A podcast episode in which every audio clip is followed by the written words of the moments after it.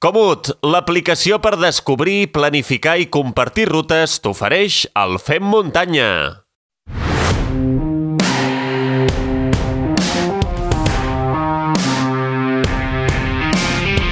Després d'aquest eh, període de vacances, tornem amb nova sintonia a la consulta del nostre coach esportiu de capçalera, el Guillem Arxal. Ja el coneixeu, els més veterans del Fem Muntanya, és llicenciat en Ciències de l'Activitat Física i l'Esport i Master Coach per la International School of Coaching. Molt bones, Guillem, i ben tornat una tercera temporada. Molt bones, Xavi i família muntanyera. I deixa'm dir que ja tenia moltes ganes de tornar al programa i de reconnectar-me amb els i les nostres oients i, evidentment, amb tu. Home, això de reconnectar-te és una manera potser de parlar, eh? perquè em sembla que pel que hem anat parlant durant aquesta, aquest període de desconnexió, el que és desconnectar, diguéssim que no ho has arribat a fer en cap moment. Eh? No sé si saps el que són les vacances, eh? Sí, sí, tens una mica, una mica o molta, molta raó. Soc massa cul inquiet i, i un emprenedor en sèrie que no, no sap parar quiet. I com no, aquest any no ha estat diferent i, i m'he liat amb més coses que, que ja en parlarem algun dia, va, però, però no, no he fet vacances i estic a tope per la nova temporada del Fem Muntanya. Doncs vinga, ja que estàs a tope, comencem forts. Eh, I et pregunté, ja que li he preguntat també al Joan Solà, com has vist tu la UTMB aquest any? Forts no, fortíssims. Ai, ai, ai. Mira, doncs la veritat és que, és que m'ha sapigut molt greu per, per uh, la gent que m'aprecio molt, com, com el Gerard, uh, Morales, el Blackie, o la, la Manu Vilaseca, o l'Anna Comet, que per diferents motius no, no han pogut gaudir de l'esport que tant estimen i, i de fer una cursa a l'alçada del seu potencial real. I després haig de dir que, que jo personalment hauria impugnat la, la victòria d'en Kilian perquè per mi ha estat una cursa adulterada oh, des del principi. Com, com, com, com, com? Ara sí que m'has deixat una mica de pedra. En què et bases per afirmar que ha estat adulterada? És una afirmació greu, eh, Guillem? Bé, eh, per mi és una evidència que, que ha tret avantatge respecte als altres competidors perquè va decidir agafar el Covid mentre que els altres van córrer sense el just hauria estat que o tots corressin amb igualtat de condicions per tenir les mateixes possibilitats. No entenc com l'organització no va obligar el, el Kilian a, a treure's el Covid o, com a mínim, a passar-lo a tothom per justícia i pel bon nom de la cursa. Home, mira que, que ets cabronet, eh? Pensava que m'estaves portant directe cap a la primera demanda, eh?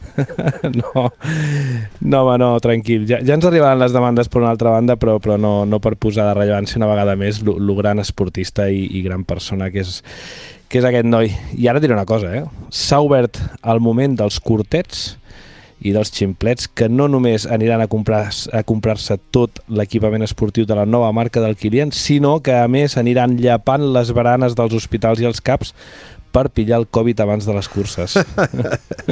Bé, va, a veure, seguim, eh, que veig que si no avui ens costarà eh, una mica abans. Hem començat així una mica d'humor. Volia preguntar-te Guillem, per la llau eh, d'abandonaments que s'han produït de corredores i corredors ben coneguts, eh, nostres, eh, catalans i també molts d'espanyols, que aquest any a la UTMB doncs, eh, no han arribat a la línia de, de meta. No trobes que potser tants abandonaments no és gaire normal? Bé, si no m'equivoco, i, i l'Albert Jorquera crec que ho, ho posa de rellevància, no, no s'han produït molts més abandonaments del que és habitual en aquesta cursa. El que passa és que, que ens han tocat de més a prop i sobretot que hi ha hagut una inundació a les xarxes de disculpes i excuses que semblava més una processó uh -huh. del Corpus Christi que no pas d'una festa del trail running. No? De, de totes maneres, crec que hauríem de diferenciar els abandonaments que s'han produït per una causa traumàtica física i els que s'han produït per causes no traumàtiques i després també li hauríem de donar una volta a la quantitat de populars que han abandonat i els professionals que ho han fet, perquè segur que ens enduríem una sorpresa en quant a que no tants populars abandonen. No? Doncs eh, ara que, que ho deies, eh, a mi m'ha sobtat molt, eh, o sigui, llegir, per exemple, eh, a Instagram, o, eh, els dies posteriors no, a, a la UTMB, eh, obrir Instagram i llegir tot ple de, de posts, de disculpes, així que si et sembla, no sé si podem començar per aquí i després ja ens centrem en els abandonaments en si, eh? perquè creus que hi ha hagut tantes disculpes i també quina utilitat tenen, perquè jo a priori no n'hi no, no, no, no veig cap. Doncs crec que, que tu mateix t'has respost a la pregunta, perquè en realitat no, no en té cap. Bé, en tindria, si, si tu haguessis faltat a la teva paraula, no? al teu compromís, o, o bé si haguessis actuat de mala fe en, en el fet tan concret també tindria sentit si el fet hagués tingut una repercussió negativa en una altra persona més enllà de tu.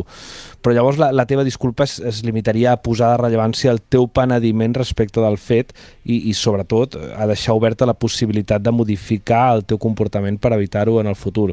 Per exemple, eh, podria ser una disculpa, doncs em sap greu no haver pogut acabar la cursa perquè no he acomplert les expectatives dels meus patrocinadors, tot i així sé que puc fer sé que puc fer per millorar eh, i a la propera cursa tindré una actuació a l'alçada de la seva confiança. No? Mm -hmm, ja, però això no és el que potser jo he llegit, eh? eren escrits farcits, farcits d'excuses. De, de, Sí, és clar, perquè no tens cap intenció d'obtenir el perdó de l'altre des de la humilitat, sinó que busques autoconvèncer de que tu no en tens la culpa i que l'altre faci ús de la seva empatia per consolar-te i alimentar el teu ego ferit per falta de quilòmetres amb comentaris de suport. La frase en aquest cas seria, si fa o no fa com aquesta, eh? em sap greu no haver pogut acabar la cursa perquè ho he donat tot, però és que des del primer moment no m'he trobat còmode perquè feia més calor del compte i això ha fet que no pogués menjar res durant molts quilòmetres fins que m'he quedat buit i no m'he vist amb cor de continuar, etc etc. No, no sé si te n'adones eh, de la diferència. Sí, sí, sí, ho he entès bé en la primera hi ha un subjecte passiu al qui dirigeixes el missatge amb voluntat de posar-te a la seva disposició mentre que la segona no t'interessa posar el focus en tu i només vols eh, excusar-te, eh? però per què passa això, Guillem? Doncs pues mira, benvinguts tots plegats al món del professionalisme, de les marques, dels patrocinadors, dels followers, dels fans, dels haters, etc etc. Tots i totes les que han abandonat podrien haver acabat la cursa lluny de les expectatives dipositades en ells i elles, però al final es troben dins del món pervers en què fa més mal veure un possible guanyador el trentè classificat que no pas eh, amb un out, no? amb un retirat. I això també és de dir que és molt dur per ells i elles, eh? que depenen de, de, de tots aquests factors externs per viure de l'esport. Però potser s'haurien de preguntar interiorment per quin motiu van començar a córrer i repetir la fórmula que els va permetre ser on són avui dia, oblidant-se de, de tota la resta.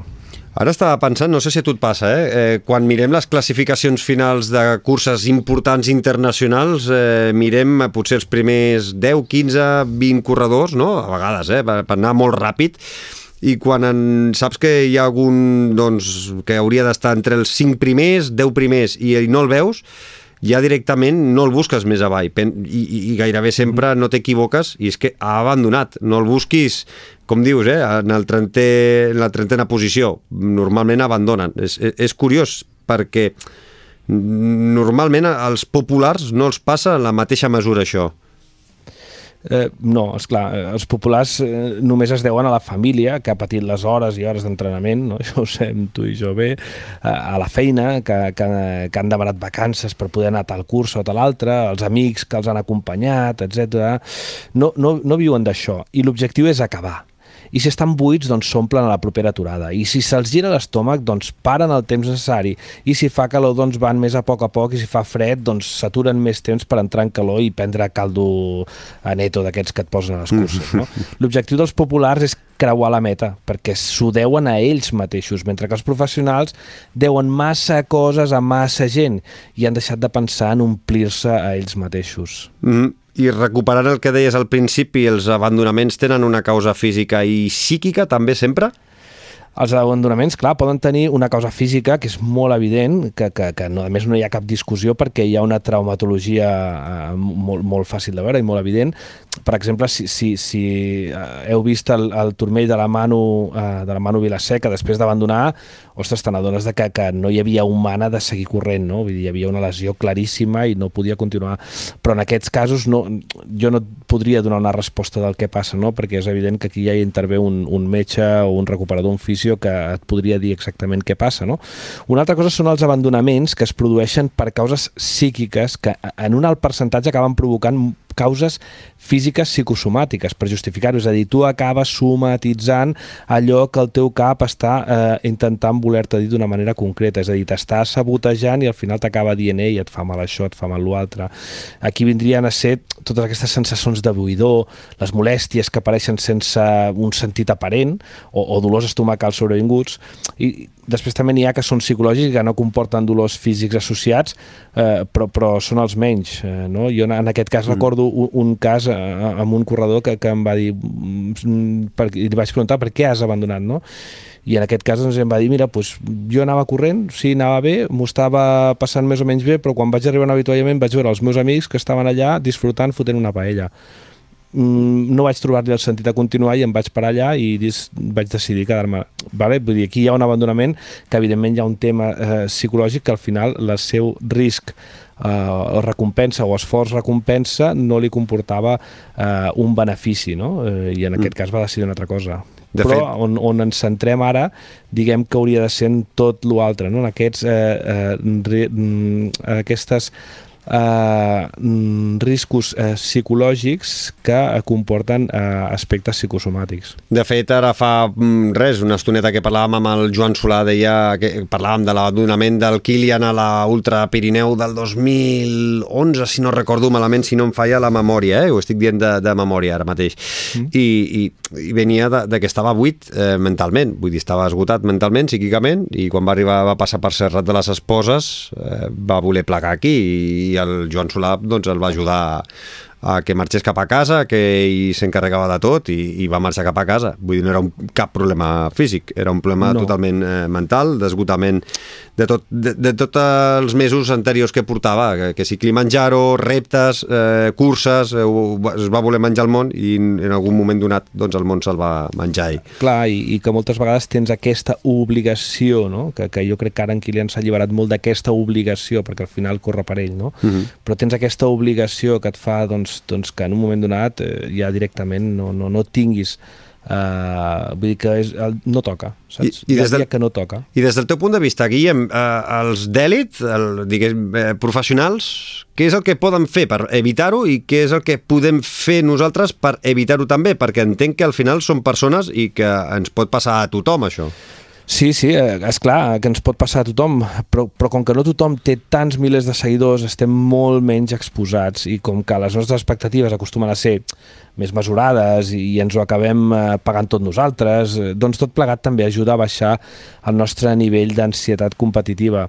De tots els motius que provoquen el, el dropout, que, que és com s'anomena l'abandonament en, en, en tot el tema de psicologia i neurociències aplicades a l'esport, el que afecta tots els exemples que hem vist a la UTMB és l'ansietat preagonística i això significa que el nivell d'excel·lència i exigència que s'imposen tots aquests corredors i corredores està massa allunyat del nivell real que poden arribar a donar i això els fa entrar en una mena de, de por interior que deriva en ansietat, eh, sensació de buidor i, i en sabotejos varis per excusar la no consecució de l'objectiu.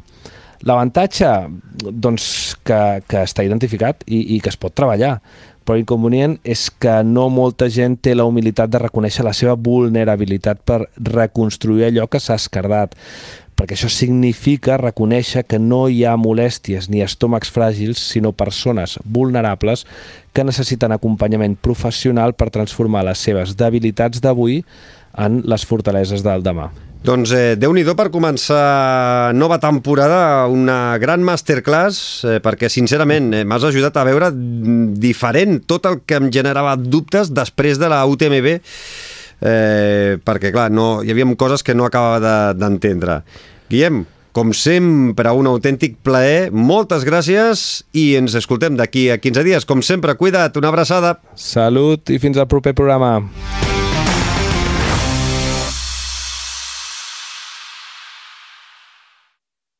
Comut, l'aplicació per descobrir, planificar i compartir rutes t'ha ofert el Fem Muntanya.